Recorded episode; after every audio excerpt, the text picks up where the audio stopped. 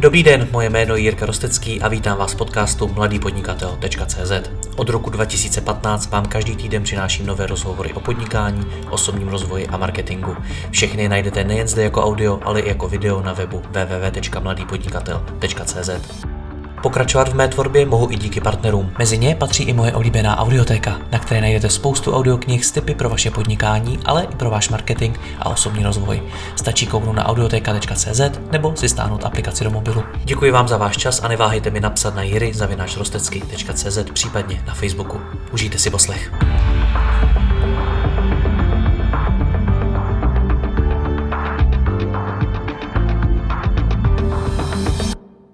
Dobrý den, zdravím všechny diváky a posluchače Mladého podnikatele.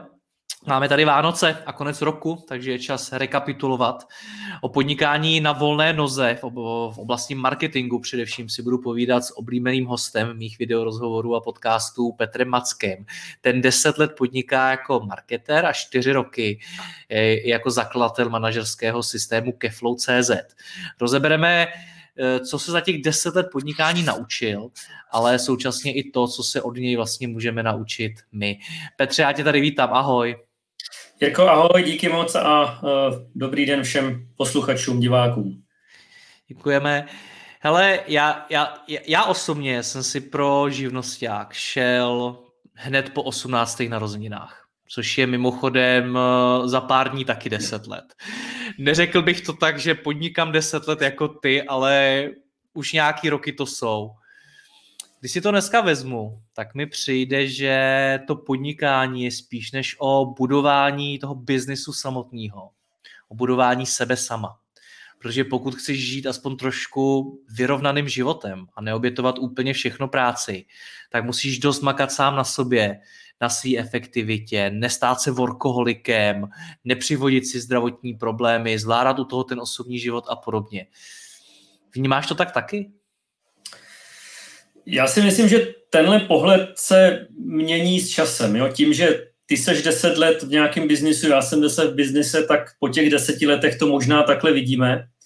Ale uh, ti lidi, co jsou na začátku, jo, třeba první rok, dva, tři, to vidí určitě úplně jinak. Jo? Tam je to prostě hon za něčím, eh, co si přece vzali na začátku a my jsme to možná měli stejně. Jo? Že, že dneska po těch deseti letech se na svět díváš úplně jinýma očima a máš úplně jiný priority, ale před těma sedmi, osmi, devíti lety to byly nějaký představy, které si prostě člověk chtěl naplňovat. Jo? A jako upřímně, nevím, jak jsi to měl ty, ale u mě, kromě třeba té svobody organizační, jo, že nejseš na někem závislý, že ti někdo dává příkazy a tohle, tak to byly peníze. Jo, a, a to prostě, když člověk byl ty první dva, tři roky a viděl, že když trošku zabere, tak ty peníze jsou, no tak tam byl takový ten, ten hon za tím, že můžu mít ještě víc. Jo, ale časem se to samozřejmě někam posouvalo. Když skočíme časem do těch deseti let, tak eh, dneska to nejsou ty peníze. Je to, je to prostě úplně něco jiného. Zase já jsem třeba o deset let i víc starší než ty,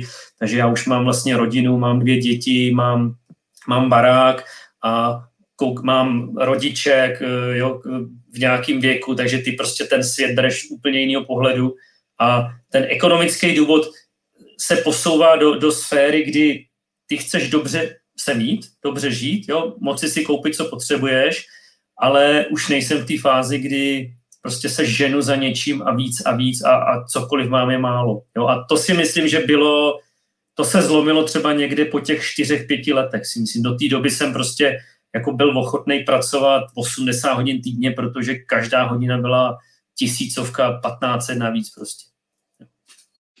Když nad tím přemýšlím, co říkáš, tak asi vážně jsou ty peníze tou hlavní motivací, protože já jsem to na začátku měl tak, že já si dělal svoje první webové stránky a mě to prostě bavilo a dělal bych to i bez těch peněz. Pak ale přišel někdo a řekl mi, hele, já na chci mít reklamu a jsem ti schopný za to zaplatit. No a tohle to mě vlastně motivovalo k tomu si postupně založit živnosták a tak podobně, takže ano, ty peníze asi vlastně jako byly tím důvodem, proč do toho biznesu vstoupit. Je to dobrý důvod? Uh, já si myslím, že může být, jo, jakoby akorát by neměl být ten, ten jediný. Pokud někdo jde kvůli tomu já zase, já jsem třeba teďka vlastně i z té startupové sféry, když to nerad říkám, a tam mnohdy ten důvod jsou jenom ty peníze. Rychle něco postavit, rychle něco prodat a strašně na tom vydělat. A to si, jako ono to někomu to vyjde, je jich strašně málo, někomu to vyjde a podle mě to nikdy není dobrý důvod. Jo, jakoby musíš mít nějaký, vyšší cíl a ty peníze jako jsou fajn, ale neměl by to být ten jediný důvod. Samozřejmě, když tomu jsou ty peníze, tak je to fajn, jo, ale ten důvod by měl být, jak jsem říkal, nějaká svoboda, nějaká třeba možnost dělat opravdu, co chceš a co tě baví. Jo, to, to, jsou, to, jsou, to jsou správné cíle. Peníze jsou prostě jenom nějaký nástroj, který ti pak umožňuje třeba kvalitně žít a uh, osobně, pokud někdo jde do toho jenom kvůli jako tomu zisku, tak bych ho od toho jako odrazoval, protože to není, to není správný cíl. Ale, ale jak říkáš, ty, ty peníze tam vždycky hrajou roli. Nikdo nechce jít jakoby z něčeho někam, kde prostě bude živořit a, a to, to by nedopadlo dobře. Jak to s těmi penězi je na volné noze? Přijdou rychle? Asi jak, jak u koho. E, jsou, jsou lidi, kteří třeba jdou nějakou cestou jistoty při zaměstnání, vytváří si nějaký boční projekty, pak do toho skočí a už mají prostě příjem, který je třeba téměř takový, jako měli a během půl roku můžou mít o polovinu víc, eh, o 100% víc. Eh, na druhou stranu lidi, jako jsem třeba já, kdo vlastně v jeden moment skončil v jedné práci, měl nějaký mini polštářek prostě na účtu a začal v marketingu vlastně od nuly, tak eh, jako trvá to. Trvá to, je to potom zase o té snaze, o té o tý, jakoby výdrži, o tom, že fakt jako musíš makat a jít zatím a pak ty peníze přijdou a můžou přijít relativně rychle. Jo, my už jsme se o tom bavili. Já si myslím, že třeba já už, řekněme, za půl roku jsem se dostal do nějaké fáze, kdy už jsem byl v klidu. Jo, jako ne, ne, neměl jsem jako deseti a deseti tisíce, ale věděl jsem, že už mám stabilní příjem, už si můžu dovolit třeba ztratit jednoho klienta, ale trvalo to prostě řekněme půl roku, tři čtvrtě roku. Takže, takže uh, asi případ od případu, ale ty, co začnou od nuly, tak jako nesmí počítat s tím, že ty peníze přijdou hned. Jak se v tom dá růst? Protože většina freelancerů, když se budeme bavit teda o těch marketingu, jako seš ty, tak nejspíš začíná na nějaký hodinový konzultaci, nějaký hodinu, má jako hodinovou sazbu, která na začátku asi není úplně obrovská, maximálně třeba účtuje svoji práci projektově ve smyslu, nevím, udělám ti SEO analýzu za tolik tisíc. Co dále? Jak, jak, se, jak ten freelancer v tomto ohledu roste? Já si myslím, že každý si musí najít svý cesty. Jo. Já jsem si taky vlastně prošel více modelama, eh, kdy třeba na začátku byla snaha získat co nejvíc paušálu, jo, protože vlastně paušál byla nějaká jistota, zatímco hodí... Ta bezpečnost. Ta bezpečnost, jo. Na druhou stranu zase třeba během let jsem se dostal do fáze, kdy ten paušál, uh, jako byla to nějak, byl to nějaký strop, na který já už jsem se vlastně nemohl dostat a u těch klientů třeba ta práce mnohdy byla, šla dál, než co jsem byl zaplacený, takže já jsem se pak u většiny přesunul eh, k hodinám zpátky, ale říkám, na to si každý musí přijít sám. Já jsem dělal PPCčka primárně nebo nějaký konzultace, kde se celkem dobře dá jakoby s těma hodinama operovat, dá se to celkem dobře vykazovat, ale eh, a druhá věc, už jsem věděl, že mám ty klienty takový, že tam prostě vždycky těch 5, 7, 8, 10 hodin měsíčně bude, i kdyby bylo prostě málo práce, tak to tam bude. Takže já jsem neriskoval tím, že jdu z paušálu do hodin, ale jsou lidi, kteří by tím riskovat mohli. Jo, zase ten paušál je prostě ta jistota, uh, takže to si myslím, že, že každý si musí najít sám. Uh, já třeba, že jo, uh, Robert Vlach, ten, ten o tom píše pravidelně, jak s tou cenou, každý to má jinak, každý si musí cest, testovat ty hladiny, kde jsou, kdo je mu kolik ochotný platit za co a měnit ty, ty ceny třeba i v průběhu času. Já třeba za sebe, to bylo jedno z mých asi zásadních, jakoby, to, to, to je něco, co mě doprovází od začátku a skoro i doteď, že já si bojím říct o víc peněz. Jo? To znamená, jakoby u mě třeba mnohdy rostl objem práce a tím jsem si šáhl na víc peněz, ale dělal jsem pořád za stejnou hodinovku, řekněme, 4-5 let v kuse. Jo? A, a to si myslím, že je zase něco, o čem, o čem ty, ty lidi si musí prostě zapřemýšlet, eh, jestli není čas prostě uh, zdražit, kam až zdražit. Je to zase nějaký třeba... Ale, ale o čem to je, Petře, tohleto? Protože já třeba znám spoustu opravdu velmi zkušených profesionálů, kteří třeba pracovali, eh, by byli zaměstnaní někde v většinu své kariéry a teďkom přecházejí na volnou nohu. A i oni mají problém si říct za svoji práci spoustu peněz, takže ono to není jako víc peněz, prostě jako opravdu nějakou pořádnou částku, kterou si zaslouží. Takže ono to není o věku, není to o nějakých jakoby, profesních zkušenostech. O čem to je? Já si myslím, že těch faktorů je tam víc. Jo. E, typicky třeba u mě to bylo o tom, já jak osobně si myslím, já jsem třeba PPCčka byly to hlavní, co jsem dělal, jak jsem říkal, potom nějaký marketingový projektový management, kdy jsem třeba vedl týmy. A já osobně jsem si nemyslel, že hodnota, mý, jako hodina mýho času stojí víc než něco. Jo, teď plácnu se víc než 1500 korun. Prostě jsem říkal, tady je x dalších lidí, kteří jsou schopni úplně stejnou práci udělat plus minus stejně dobře. A proč já bych si měl za něco takového říkat prostě tři tisíce? I když by mě to třeba některý ty klienti dali. Mně to přišlo nefér, jo? je to zase jakoby, eh, to je možná něco, co se mi zase nelíbí na některých těch eh, jakoby prakticích i teoreticích, který zvedají ty ceny, že oni je zvedají proto, protože je po nich poptávka a můžou si to dovolit a prostě jsou tak horký zboží, že oni, když to zvednou na pět tisíc na hodinu, tak vždycky prostě pár klientů dostanou. Ale tak to na trhu funguje. Jo, je, je to tak, ale já třeba minimálně ve svý kůži jsem uh, jakoby tu přidanou hodnotu, která jsem přiná, kterou jsem přinášel, jsem nedokázal hodnotit takhle vysoko. Já jsem si, že to za to nestojí, že když prostě pro toho člověka budu dělat 10 hodin měsíčně za trojku, tak jsme na 30 tisících. A když já, mu, já, mu, já jsem mu prostě jakoby neuměl třeba přinést tolik, kolik vlastně on by do mě dal, jo? nebo to jsem si myslel. Takže, takže to si, je, teď se bavím o těch důvodech, proč se lidi boj, bojí zdražovat. Jo? To je jedna věc, že prostě upřímně si nemyslí, že stojíš tolik. Jo, a to, že je poptávka, neznamená, že ta, ta kvalita tam je. To je něco jiného. O čem to ale je to, že si myslíš nebo nemyslíš, že stojíš za víc peněz? Já třeba teď sleduju zrovna čerstvý příklad. Uh, mentoruju právě jednoho takového jako uh, velmi seniorního člověka uh, v jedné oblasti a ten přešel na volnou nohu před lety a účtuje si za svoji práci podle mýho názoru velmi málo peněz na to, jakou hodnotu ta práce má. A já mu celou dobu říkám, hele, dej tu cenu prostě třikrát takovou a jako furt si ji zasloužíš a je to adekvátní, je to naprosto mhm. adekvátní. Celou dobu to neudělal, teď to udělal poprvé a je úplně překvapený, že to jde, že to, že, že to skutečně ten trh přijal. Tak eh, o čem to teda je, to jestli si myslíš, že stojíš za tolik nebo za tolik?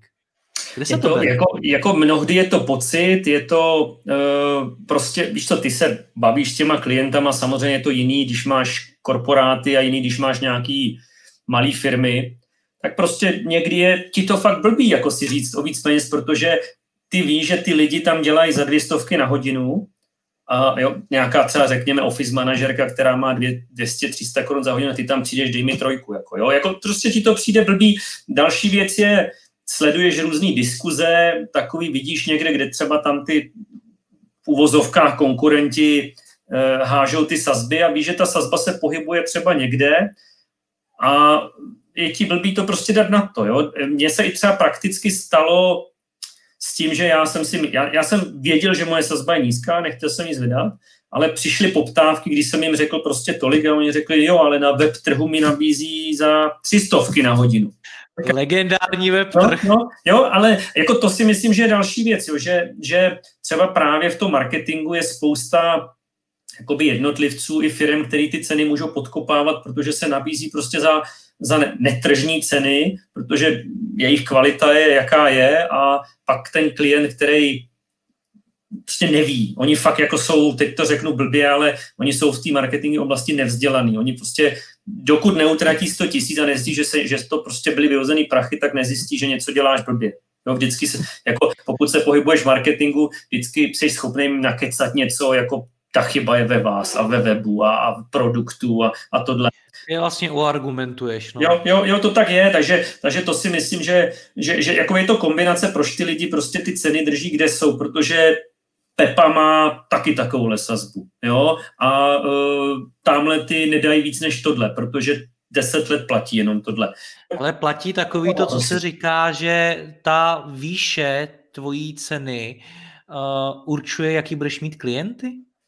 No určitě. Jakoby stane se ti někdy, že malý klient, který jako si na tebe tak zvyklý, je s tak spokojený, ti ochotný dát víc, ale je to, je to, je to o tom, jo, protože jakoby ty, když si řekneš za marketing pětku měsíčně, tak prostě malá firma o deseti zaměstnancích ti to prostě nezaplatí. Jo, to, to prostě, to, já myslím, že i kdyby matematicky se ukázalo, že se to vyplatí, tak je to prostě nad jejich jakoby vůbec schopnosti pochopit takovouhle cenovku. Jo, to si myslím, že je, je pravda.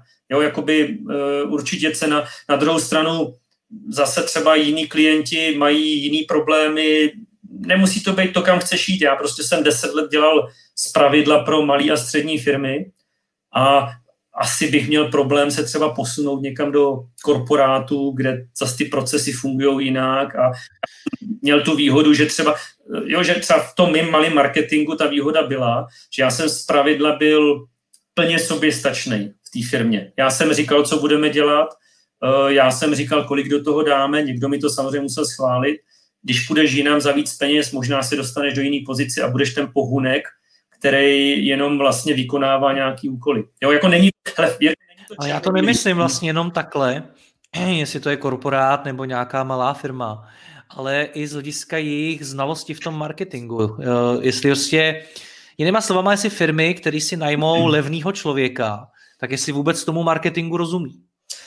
Oni tomu nerozumí podle mě ani firmy, které si najmou toho drahýho. Kolik. OK, to je fér odpověď. Jo, jo, ne, protože víš co, máš, máš firmy, typicky takový některý korporáty, kde marketing kolikrát na těch nižších místech, který se většinou potkávají s tebou, teď nemluvím nějakého direktora marketingu úplně nahoře, tak to jsou kolikrát prostě holky, které vyběhly ze školy. Marketing je takový to, kde se oťukávají prostě v korporátním světě.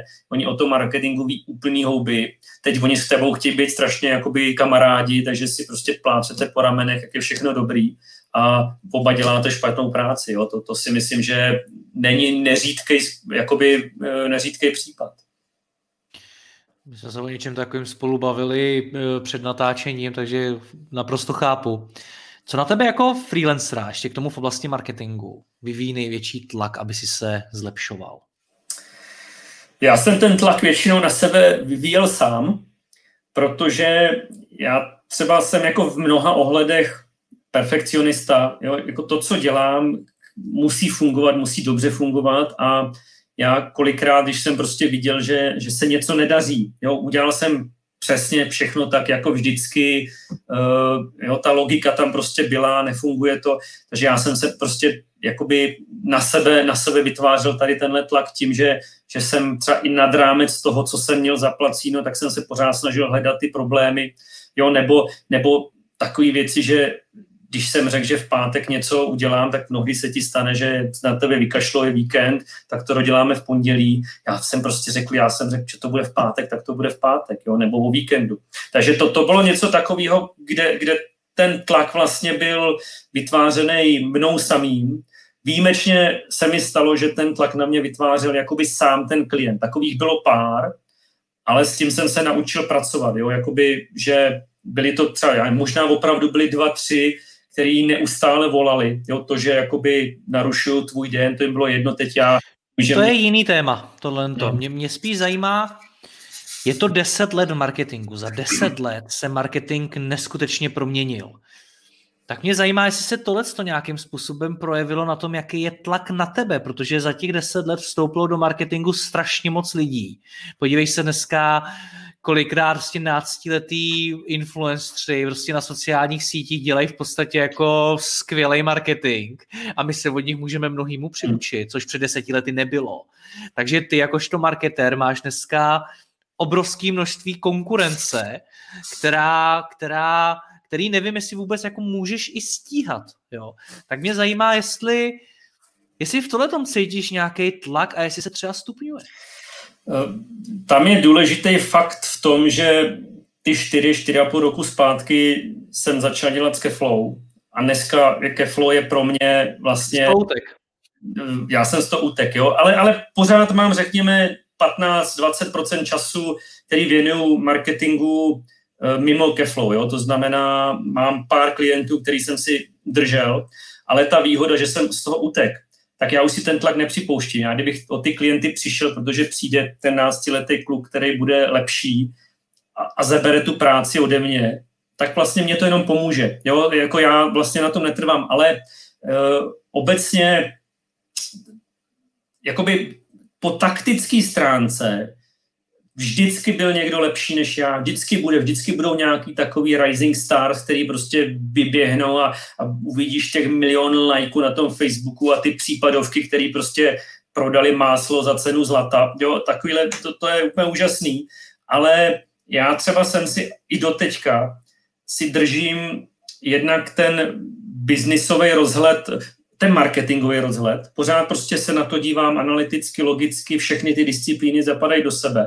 To si myslím, že ten klučík, když to řeknu škaredě, málo kdy bude mít ten rozhled napříč. Jo? Oni jsou dobrý v LinkedInu, ve Facebooku, v Instagramu, eh, dělají skvělý videorozhovory, ale pochopit ten marketing jako celek, to chce zkušenost, to prostě nepřijde za rok. Jo? Máš tady kolikrát experty na Facebook, který vyrostli za rok, ale oni jsou experti na Facebook. A, a, a blbý je, že oni té firmě namluví, že vlastně Facebook je svět a nic jiného vlastně není důležitýho. Jo? To, to, takže to byla ta moje výhoda, kterou si držím do teďka, že prostě všechno musí existovat uh, dokupy. A nemám problém, když na některý kanál bude někdo jiný lepší, protože bude lepší. Jo?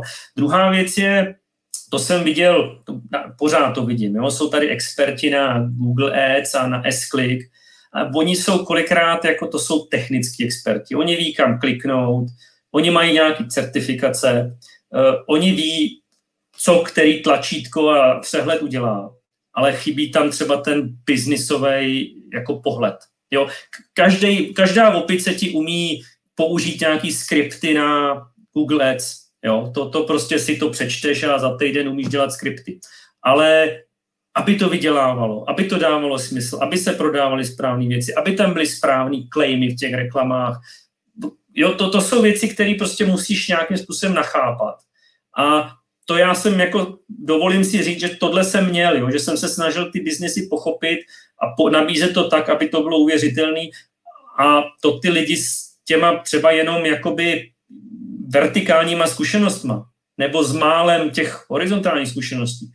To si myslím, že, že oni neuměli. Takže pořád si myslím, že tady bude poptávka po generalistech, který prostě umí, a já jsem se vlastně do této pozic potom posouval, že já jsem vlastně byl ten projektový manažer, který uměl pochopit všechny disciplíny a koordinovat je.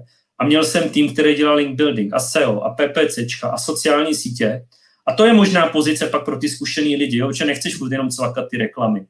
Jo, takže, takže vlastně eh, všechno se kolem tebe mění, ale ty základní principy vlastně zůstávají, potřebuješ vydělat, je tam nějaká marže, eh, jo, takovéhle věci, musí ta matematika musí vycházet a hold eh, tři roky zpátky byl nejlepší kanál tenhle a teď je to tenhle a umí to někdo jiný, než to uměl předtím, ale, ale tu matematiku a ten, ten, ten dopad na biznis, tam je to furt stejný, si myslím. Mění se podle tebe za tu dobu, co podnikáš, nějak význam osobního brandu těch specialistů? Když si vezmu, tak v těch mých začátcích, tak mi přišlo, že tady bylo, byli prostě různí specialisté na různé obory a ty měli velmi silnou značku. Ale jak ty roky jdou dál, dál, dál, tak mi přijde, jako kdyby už ta značka nebyla až tak důležitá. To je pak vidí, že to v těch firmách stejně dělá někdo úplně jiný, že ty, ty vyprofilovaný lidi mají dohromady prostě pár klientů a že ten marketing už je dneska tak široký, je tam toho tolik, že ve skutečnosti tam dělá mnohem víc lidí prostě různé věci. Tak mě zajímá, jaký je význam brandu pro freelancera ve skutečnosti podle tebe, jakožto někoho, kdo deset let na té volné noze je?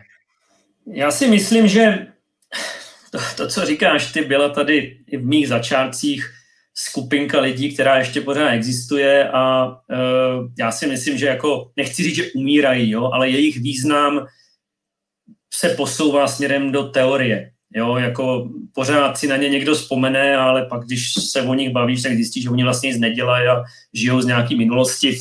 Nedokážeme jako posoudit, zas až tak bych je ne, soudit tady ne, v tom rozhovoru. Ne, ne, ne, ne, ne, ne, ne, určitě, nejsou tady s náma, nemůžu se k tomu vyjádřit. Ne, ne, ne, to, to jenom jako, já jsem vždycky byl třeba jakoby Eh, že, že mnohdy ty, ty značky byly trošku nafouklý a, a bylo to o tom, že, že o nich bylo hodně slyšet a byly hodně vidět, ale sám mám zkušenost, že třeba ta praxe kolikrát nebyla taková, jak, eh, jak to vypadalo na tom papíře. Jo? Ale to, dobře, ale myslím si, že dneska, dneska je jednak, před deseti lety bylo daleko méně lidí v marketingu, než je teďka. Jo? Eh, bylo asi mnohem jednodušší s trochou snahy se dostat jako na nějakou špici a chvilku tam vydržet. Dneska toho, ten marketing dělá strašně moc lidí.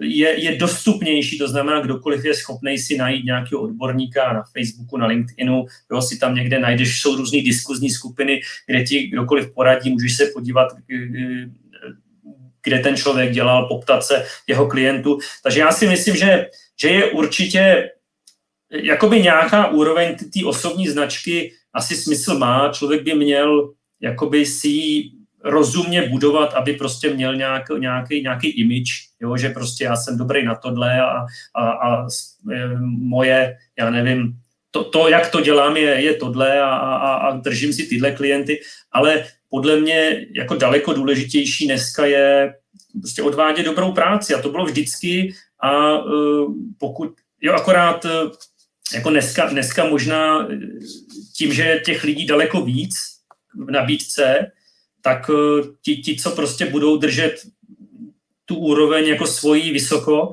no tak budou mít ty práce víc a, a budou možná si za ní účtovat víc a toto a to si myslím, že je důležitější. Jo, samozřejmě č- člověk asi, pokud já jsem měl třeba to štěstí, že jako u mě ty klienti fakt jako zůstali. Jo, že já jsem fakt jako po dvou, třech, čtyřech letech už vlastně nemusel hledat klienty. Takže pro mě nějaká osobní značka vlastně v té, v té době byla úplně ukradená, jo, protože já jsem měl si klienty, cokoliv nového přišlo, tak 80% byly doporučení u těch stávajících. A to, je, to, za to, to za tebe mluví ta práce. Jo, nemluví za tebe ta značka. Samozřejmě ta značka, kdo dělá nejlepší školení na tohle? No tak je tady pár lidí, kteří prostě ví, že dělají dobrý školení. Jo, to, to, to se asi drží, ale když dneska řekneš, kdo je nejlepší na SEO, tak já bych jako určitě nedokázal říct, že je to zrovna tenhle. Ono ještě možná jedna důležitá věc, já jsem vždycky byl za to, že ty opravdu nejlepší nejsou tolik vidět. Jo, oni prostě dělají tu práci v těch zákopech a mají úspěch, ale nepíšou o tom, nejsou na těch konferencích a tak. My jsme začali ten rozhovor tím, že vlastně do podnikání jdeš z velké části kvůli penězům.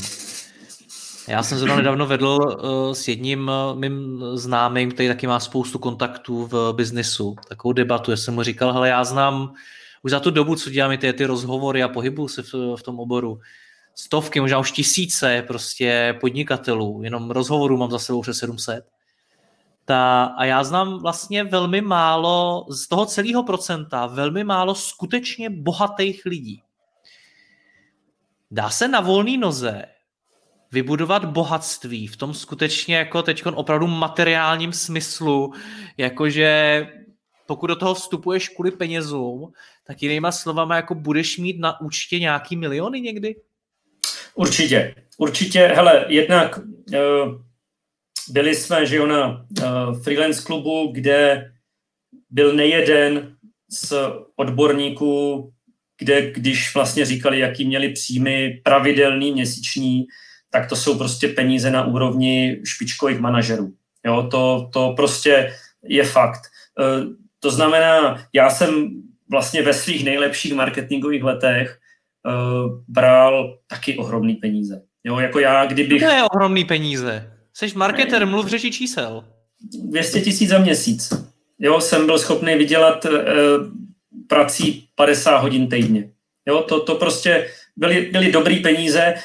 Tím, že jsem vlastně stavil ke flow, tak vlastně všechno šlo, šlo dovnitř. To znamená, mě ty peníze na, na účtě nezůstaly. Samozřejmě, jo, třeba zase, když se vrátím k těm freelance klubům, ty, tyhle lidi většinou jsou rozumní, neškodlí to pod peřinou, ale investují, kupují za to věci, které zvyšují hodnotu, nemovitosti, nějaký zboží, jo, investují do firem, takže oni ty peníze vlastně na těch účtech nezůstanou. To je možná i blbost, jako aby zůstali, ale, ale jako, když se bavím o tomhle, já si myslím, že jako by schopný freelancer, který jako, jako fakt jde po těch penězích, tak se na nějakou tu hodnotu třeba 100 tisíc měsíčně prostě může dostat a to je prostě reálný a s tím se dá krásně žít a uspořit. Jo? Eh, ale samozřejmě je to, je to i schoda okolností, jo? je to štěstí, je to, je to štěstí na klienty, je to štěstí na dobu, Uh, jo, může se stát, že máš skvělý klienta, který ti zkrachuje, který ti dával hodně peněz a, a tohle. Já jsem na tohle štěstí, štěstí měl. No. Dobře, přijdu, za, přijdu, za te, přijdu za tebou a řeknu ti, Petře, OK, eh, deset let podnikáš, chci, aby si byl můj mentor. A mým cílem je, že chci po deseti letech podnikání mít na účtě aspoň pár milionů, prostě, který už jsou moje a který, který jsem si vydělal svojí prací, svým podnikáním. Tak co by si mi jako freelancerovi doporučil? Eh, je tam zase, jakoby záleží na různých okolnostech, jako máš hypotéku a neplatíš alimenty a takové věci. Jo, to ono to všechno jakoby to, ale, ale řekněme normální člověk jako já, který má rodinu, který má hypotéku, a nějaký normální měsíční prostě útraty, nějaký leasing. Když bereš 100 tisíc, tak já si myslím, že jako tobě musí 40 tisíc zůstat v kapse. Jo, a, a to je prostě něco, i kdyby z toho člověk 20 tisíc měsíčně dal bokem, tak uh, za rok je to kolik?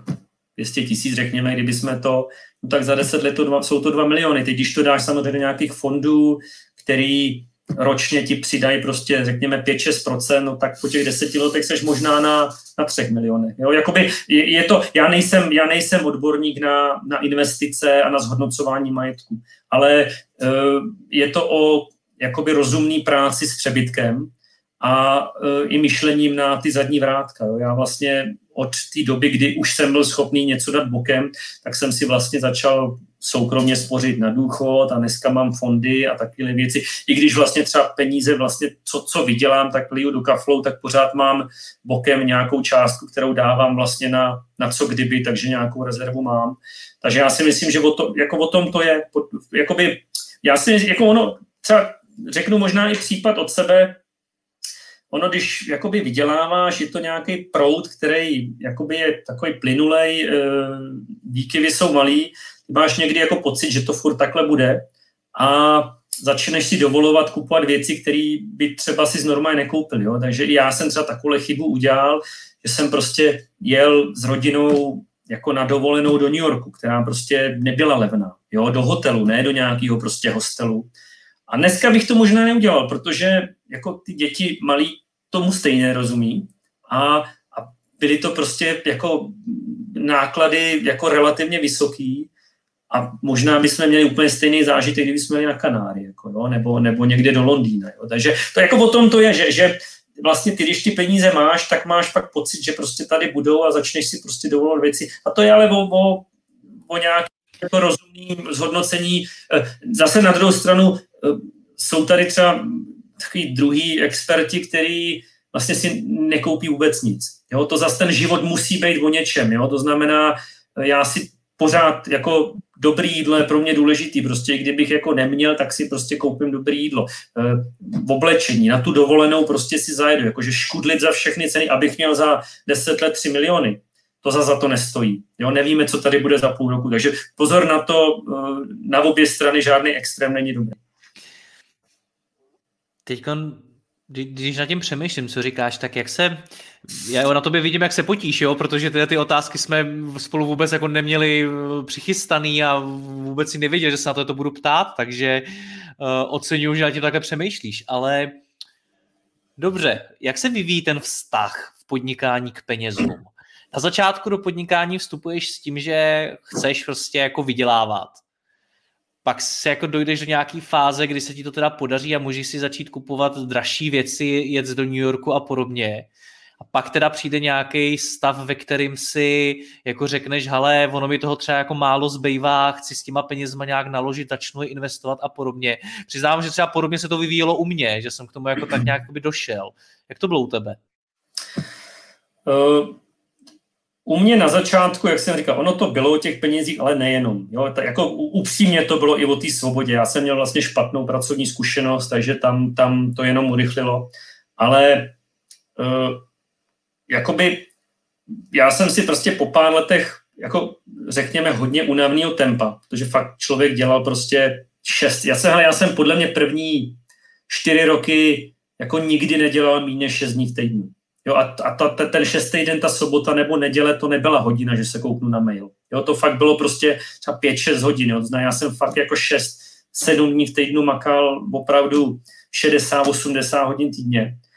A jakoby eh, v ten moment, nebo pak po nějakých těch letech si člověk řekl, že jednak to není únosný a jednak jako tohle tempo vlastně no, no, spíš šlo o to, že já vlastně vydělám jenom to, co opravdu ručně odmakám. Jo? A tam se to ve mně zlomilo a tam vznikla vlastně ta idea ke flow, že prostě já potřebuji mít něco, co bude vydělávat, i když já vlastně nebudu kopat tu díru, jo? protože ten marketing, pokud seš ten PPCčkář, jo? nebo ten SEAř, nebo tohle, tak ty opravdu seš zaplacený pouze za tu práci, co odvedeš.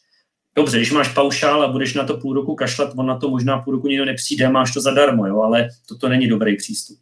Takže, takže vlastně já jsem, jednak jsem ten moment řekl, že pro mě ty peníze, že vlastně to hnaní není tak důležitý. Jo? Přišla rodina, jo? to prostě byly najednou úplně jiné priority. Jo? Oženil jsem se, měl jsem vlastně dvě dcery, a to bylo důležitější než nějaký jako 80 hodin týdně a spousta peněz. Takže, a, a který vlastně byly nadbytek, jo? Že, že prostě dobře šlo to na nějaký účet.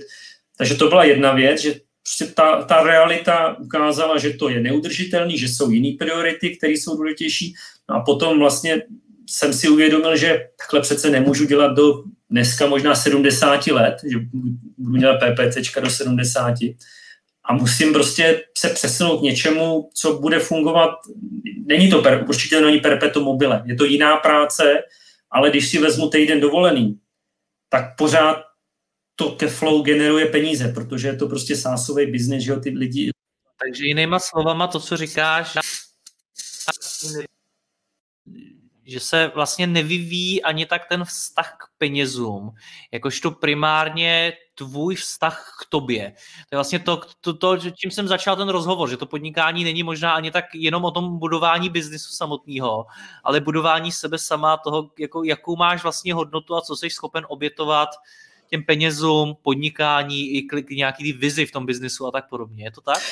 A přesně tak a je to to, co jsem řekl taky na začátku, že to to se mění s tím člověkem. Ale u někoho se to nezmění vůbec. Jo? Někdo prostě ten mamon, ten hon prostě tam bude furt a možná to bude za vyšší sazby a možná to bude u jiného typu klientů a přes jiný produkt nebo jinou službu, ale prostě ženeš se furt a bude tě to bavit, jo, ale e, jsou lidi, kteří prostě nějaká rodina je nezajímá, jo, nepotřebují děti, já zase jsem prostě konzervativnější typ a pro mě to je strašně důležitý. Jo, takže jakoby vím, že eh, jako nechci přijít o ty nejlepší léta mých dětí, prostě když jsou malí, to si uznejme, to je prostě to nejlepší, co tam je, že budu prostě zavřený 80 hodin týdně v tom a uvidím je eh, půl hodiny denně u snídaně a to ani ne, protože během snídaně taky děláš, jo, takže, takže eh, o tom to je a, a někdo k tomu nedozraje, já jsem k tomu dozrál a možná jsem si to představil jinak, ale možná opravdu jako ve mně se probudila ta, ta ty geny, že prostě, že já jsem z té konzervativnější rodiny a,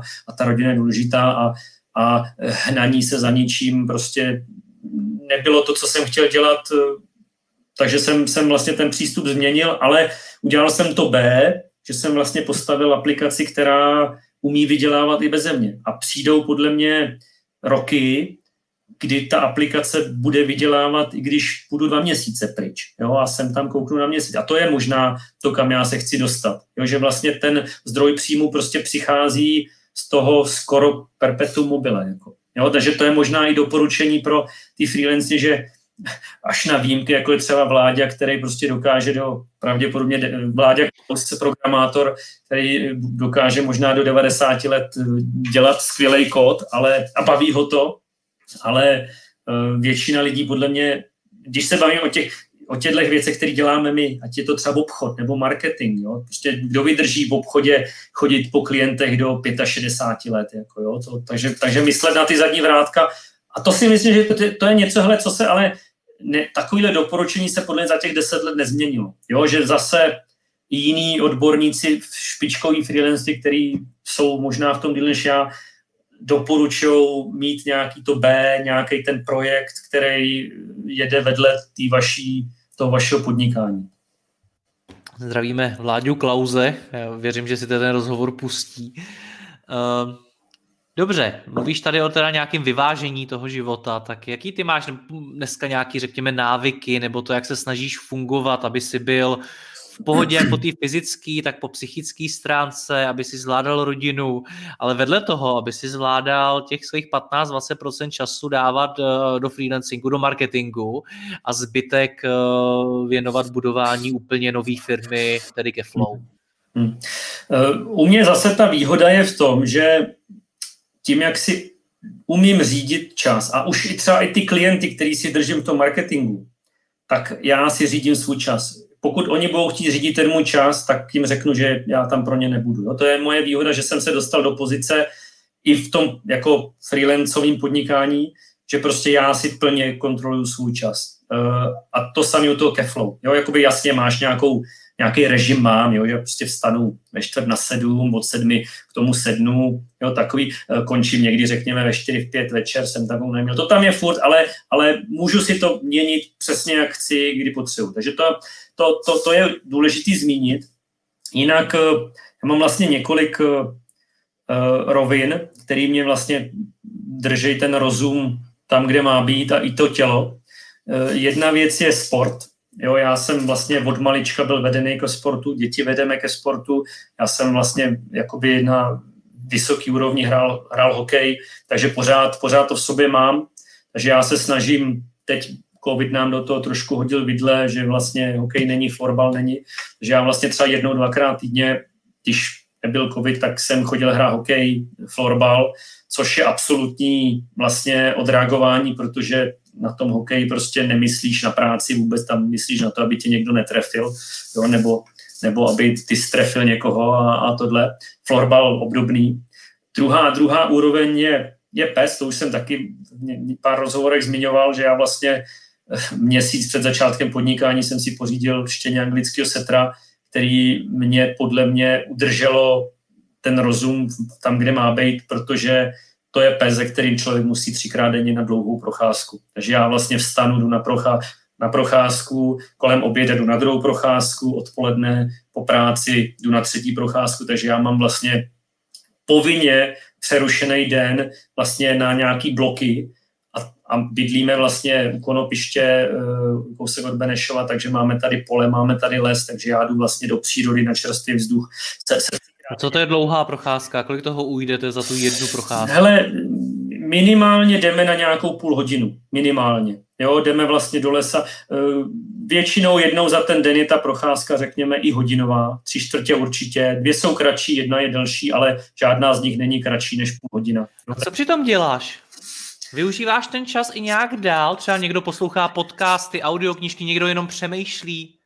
Hele, byla doba, ještě možná tak řekněme dva, tři roky zpátky, kdy jsem na té procházce řešil e-maily, myslel jsem na práci a to není dobře. Jo? To, to je to, tím jsem vlastně jako narušil jsem, pomohlo mi to, že jsem šel na vzduch, procházka, tohle, ale vlastně člověk nepřestal přemýšlet o té práce. Dneska, dneska ráno, když jdu, tak jenom mrknu, jestli tam není něco důležitého a vlastně těch 30 minut chodím. Já mám, možná druhá věc je, my Máme už druhýho anglického setra, ta první byla strašně hodná, poslušná, tahle je takový rarach, takže já musím furt koukat, jestli někde někomu něco ne, neníčí, jestli tam bažanty nehoní. Takže já mám víc práce s ní, než jsem měl s tamtou, takže já už nemůžu koukat do mobilu a musím koukat, kde mám psa, jestli e, někde nedělá neplechu.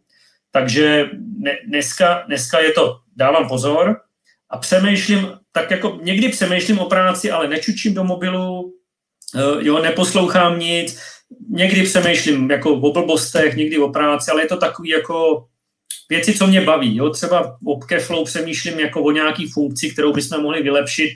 Málo kdy řeším jako nějaký problém, jako jak ho vyřešit tohle, ale spíš takový ty, ty měkký myšlenky, které mě nezatěžují.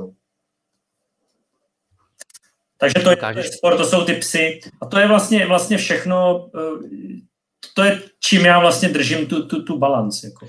A popíšeš nám, jak, jak teda konkrétně pracuješ, jaký máš třeba jako denní rozvrh, když to takhle řeknu, jestli máš ten den nějak rozdělený, co v kolik hodin děláš, nebo třeba i týden, jestli máš nějak rozdělený. Freelanceri dost často tohle to řeší. Ehm, je to, není, nejsem úplně jako vždycky tak rigidní, ale obecně to mám třeba udělaný tak, že pátky si nechávám obecně volný na takové věci, které třeba nestíhám a, a potřebuji trošku víc času, jako je třeba napsat, Máme úplně stejně. Hm. No, napsat nějaký článek, uh, nedávám si tam žádné schůzky, Uh, takže to je, to je tohle, nebo třeba, já nevím, když je potřeba v Keflow něco otestovat, co trvá díl, tak si to jsou takové věci, jako že potřebuješ na to čas a, a nechceš, aby tě někdo rušil, to dál na pátek. Ale většinou jsou to takové ty věci, jako něco si přečíst, něco sepsat, uh, dohnat resty, nic vyloženě náročného, to bývají pátky.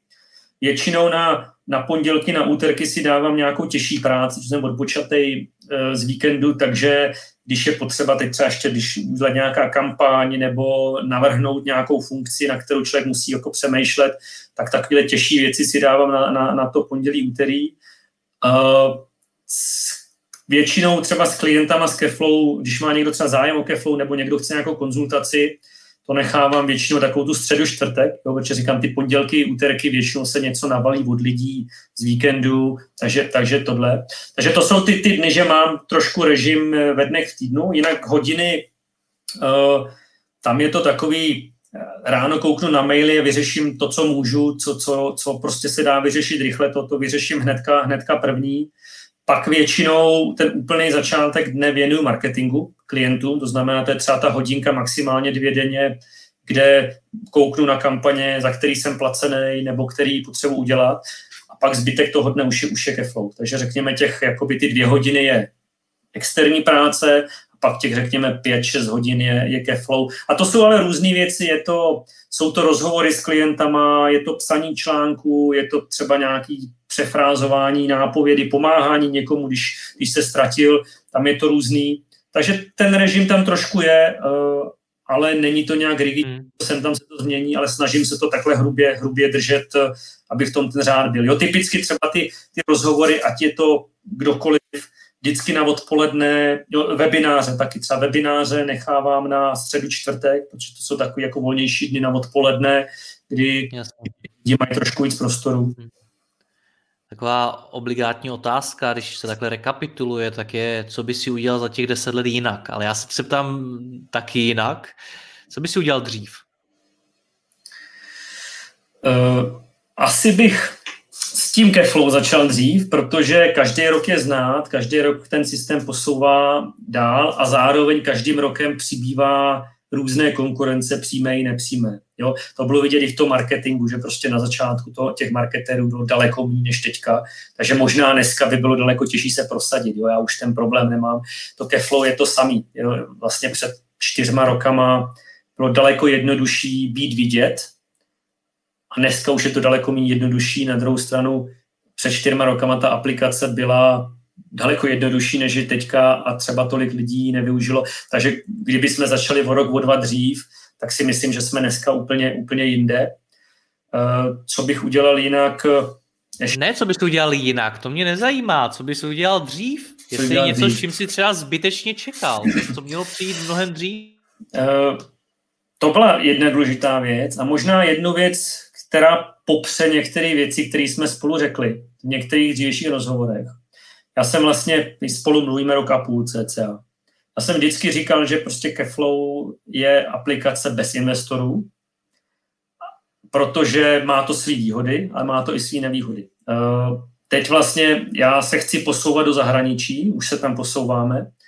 To zahraničí, i kdybych selektoval prostě nějaký vybraný země, je strašně obrovský a má svý zákoutí a tohle. A myslím si, že eh, s vhodnou investicí by vlastně ta expanze eh, byla daleko rychlejší, protože daleko rychleji připravíme ten systém na nějaký niance těch trhů, daleko víc budeme vidět, protože můžeme dát víc do marketingu. Takže to je něco, co, co bych možná udělal a neudělal jsem a říkal jsem, že to neudělám, protože mě vlastně ty dveře otevřený na ten západ nebo i východ ukazují věci v trošku jiném světle a uvidím, jak to dopadne. Jo? Takže to je něco, co vlastně možná říká jinak věci, které jsem třeba doposud neříkal, nebo říkal, že jsem proti. Jako.